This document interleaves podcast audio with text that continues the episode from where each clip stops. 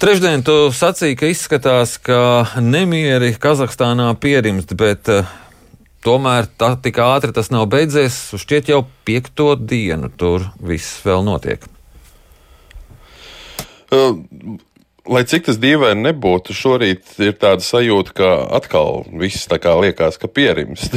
Jo, nu, tā kā ziņo radiostacija Eho Maskvī, atsaucoties uz Sputņika Kazahstānu korespondentu uz vietas Almatī, nu, arī pagājušajā naktī it kā pilsētā ir bijušas dzirdamas apšaudes, taču um, ielās protestētāji faktiski vairs nesot, un, un, un pilsētas centrā pie neatkarības pieminiekta esot izvietot armijas bruņu transportieru un kopumā pilsētā notiek pretterorisma operācijas.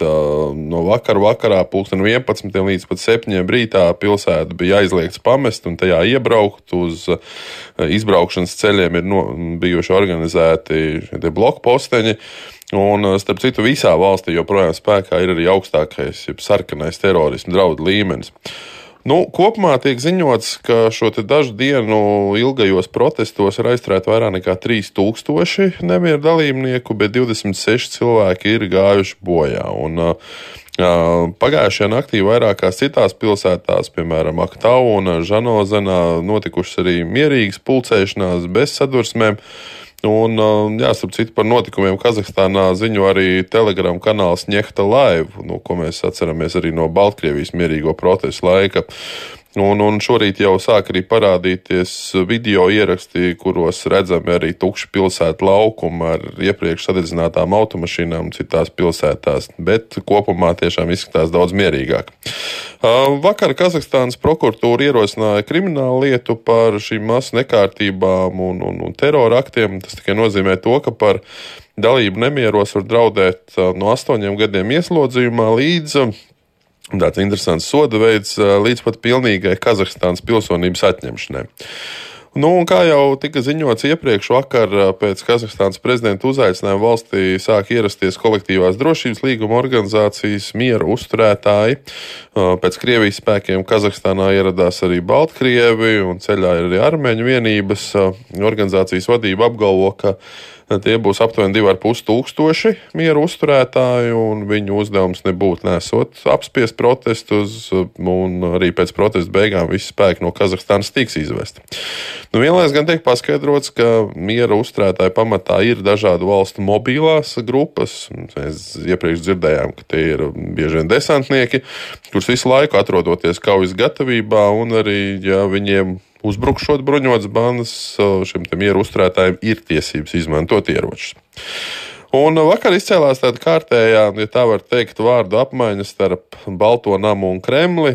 Proti, Baltā nama preses sekretāra Džena Psaki izteicās, ka ASV esot daudz jautājumu par to, cik likumīga bija šī Kazahstānas prezidenta prasība ievest valstī mieru uzturētājus. Savienotās valstis arī esot aicinājušas kolektīvās drošības līguma organizācijas spēkus ievērot savas starptautiskās saistības, īpaši cilvēktiesību jomā.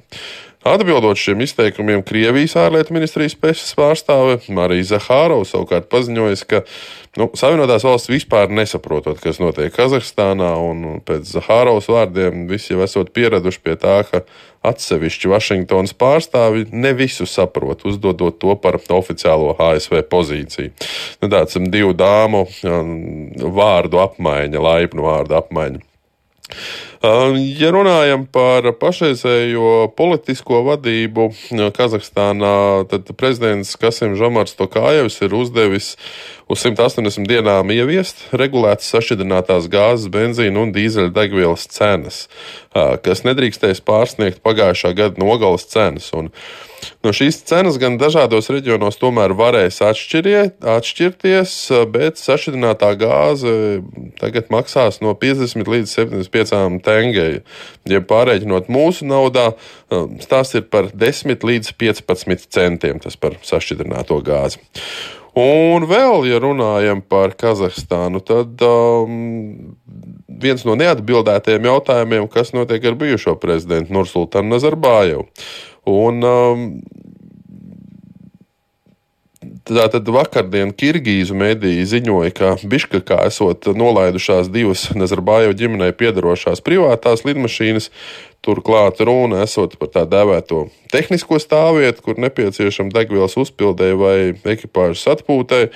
Un šādos gadījumos neviens no pasažieriem no lidmašīnas gan neizkāpa. Nu, tā kā arī jā, tiešām Nazarbāja atrašanās vieta joprojām nav zināma, bet uh, vēl runājot par jaunumiem, šorīt ir kļuvis zināms, ka Kazahstānas galvaspilsētā Nursultanā pamazām tiek atjaunots internets. Uh, tas gan joprojām darbojas ar pārtraukumiem, tāpat kā mobīlie sakari.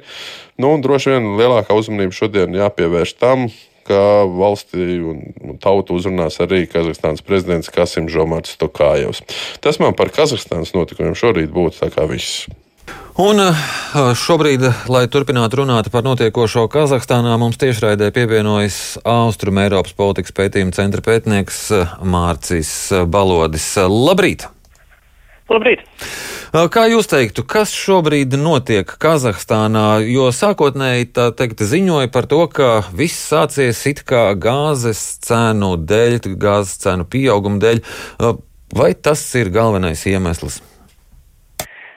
Es domāju, ka Kazahstānas gadījumā ir svarīgi uh, nošķirt iemeslus no cēloņiem, uh, jo sākotnējais iemesls tiešām arī bija um, sašķirinātās gāzes cenu strauši pieaugums, um, kas bija it īpaši neproporcionāls salīdzinot ar, ar vietējās ekonomikas attīstību un vietējās, teiksim, sabiedrības spēju par to maksāt. Bet cēlonis faktiski ir ilgstoša un, un, un ilgi jau pastāvoša neapmierinātība gan ar stagnāciju valstī un tā skaitā arī ar politiskiem procesiem. Uh, konkrēti tieši ar Nursultanu Nazarbājevu atrašanos pie varas jau faktiski 30 gadus. Un um, tādā ziņā Kazahstāna ir interesants piemērs tam, kā it kā no politikas tālas um, problēmas var ļoti ātri eskalēties un var ļoti ātri uh, jau, jau izvirzīt politiskas konkrētas prasības uh, attiecībā uz, uz valsts režīmu. Um, tagad, saprotams, jānorāda, ka, um, ka Kazahstānā ka Kazahstāna nav demokrātija un Kazahstānā nav tādas uh, atklātas, legālas politiskās opozīcijas. Uh, kas noteikti arī viens no, argum, viens no iemesliem, kas, kas mudinājis šo te sabiedrības neapmierinātību. Protams, sabiedrībai nav un nebija veida, kā legālā veidā paust savu neapmierinātību un kā tikt sadzirdētai. Un, un rezultātā šādos, šādu varbūt spiedienu apstākļos neapmierinātība no, no sastāpējušiem jautājumiem spēja ļoti ātri pārvērsties šādā te aktīvā, aktīvā sabiedrības protestā un tā, tā skatā arī pat vardarbīgā protestā. Eh, jūs sacījāt stagnācija valstī, bet eh, Krievijā komentētāji norāda, ka Kazahstānā dzīves līmenis ir līdzīgs vai līdzvērtīgs Krievijai. Vai tas nozīmē, ka Putinam būtu jāstraucās par kaut, kaut kādiem līdzīgiem scenārijiem?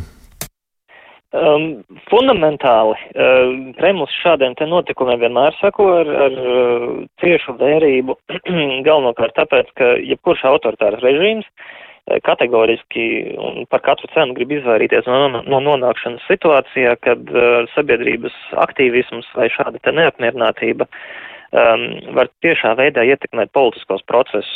Un tieši tāpēc autoritāras valsts, uh, tāpat, piemēram, Krievija un šobrīd arī Kazahstāna ir noskaņots un gatavības pilnas uz jebkādu šādu sabiedrības aktivitāti atbildēt uh, ar uh, ar asu pretspāru un atbild, un vispār šādi, šādi protesti tiek uztvert naidīgi. Un, un šādā kontekstā noteikti arī Kremlī neiet, teiksim, tiek pievērst uzmanību šādiem notikumiem, lai, un arī Krievijas informatīvā telpā nereti notiek atsaukšanās uz tā dēvētajām krasēniem revolūcijām, kas noteikti Kremlī ir viens no, ir viens tāds liels bubulis, no kā Kremlis pavisam noteikti vēlas izvairīties. Tā skaitā šādā kontekstā, lai nepieļautu, ka sabiedrības neapmierinātība var ātri eskalēties politiskās prasībās pret, pret politiskām figūrām, kuras ir pie varas jau vairāk desmit gadus. Jā, bet eh, cik lielā mērā tas ir eh, tikai sabiedrības eh, spontāna neapmierinātība? Cik liels pamats ir teiksim, tām, tām spekulācijām par to, ka šis viss bija vajadzīgs Kazahstānas prezidentam Tokājevam, lai nobīdītu malā Nazarbājevu klānu, vai cita versija, ka šis gājiens izdevīgs Putinam, lai atkāptos no Ukrainas? Kā, kā jūs šiem, šīm spekulācijām raugāties? Um, kontekstā ar Ukrainu es domāju, ka ka šobrīd Ukrainai noteikti, pavisam noteikti nav pamata atvieglot uzelpot un, un varbūt domāt, ka, ka, ka Krievijas uzmanība ir pilnībā novērsta un, un Ukraina šobrīd atrodas relatīvā drošībā. Jo viens no Krievijas ārpolitiskajiem vai pat faktiski ģeopolitiskajiem uzdevumiem ir nepārprotami likt visiem saprast, ka uh, gan Centrālā Azijas reģionā, gan reģionā, kas skar Ukrainu un Baltkrieviju. Krievija ir galvenā noteicošā valsts, un, un Krievija ir tā, kas kontrolē šo, te, šo valstu telpu. Un um, ņemot vērā šobrīd notiekošo Kazahstānā un arī ilgstoši sasāpējušos jautājumus Ukrainā, uh, Krievija var būt piln, pilna apņēmības uh, atgādināt un atgādināt visiem, ka Krievija ir tieši noteicošā valsts un ka Krievija ir spējīga sadalīt pati savu uzmanību uz dažādām valstīm vienlaikus. Un nekādā gadījumā nav, nav pamata gaidīt Krievijas piekāpšanos vai to, ka Krievija varētu kaut kādā mērā novērsties no Ukrainas. Līdz ar to um, es domāju, ka šeit īsti nav pamata tādam optimismam par to, ka Ukraina šobrīd atrodas relatīvā drošībā. Uh, kas attiecas uz, uz Kazahstānas iekšpolitiskajiem apsvērumiem, saprotams, ka šādi protesti vienmēr iet roku rokā ar, ar eh, arī dažādām politiskām mm, batālijām, kuras notiek kaut kur aizkulisēs. Spriežot šobrīd pēc noteikošā, to kā Ievs arī mēģina uh, pastiprināt savu, savu personīgo, savu politisko varu uz šī, uz šī te sabiedrības neapmierinātības fona. Uh, Taču, saprotams, arī ir jautājums par to, vai uh, opozīcija, vai par sabiedrības protestu um, noskaņojums un šie te argumenti netiks gal galā pavērsti arī pret pašu to kājevu, kā pret, nu, šobrīd pret valsts prezidentu, un vai viņa režīms arī būs spējīgs noturēties pret sabiedrības neapmierinātību.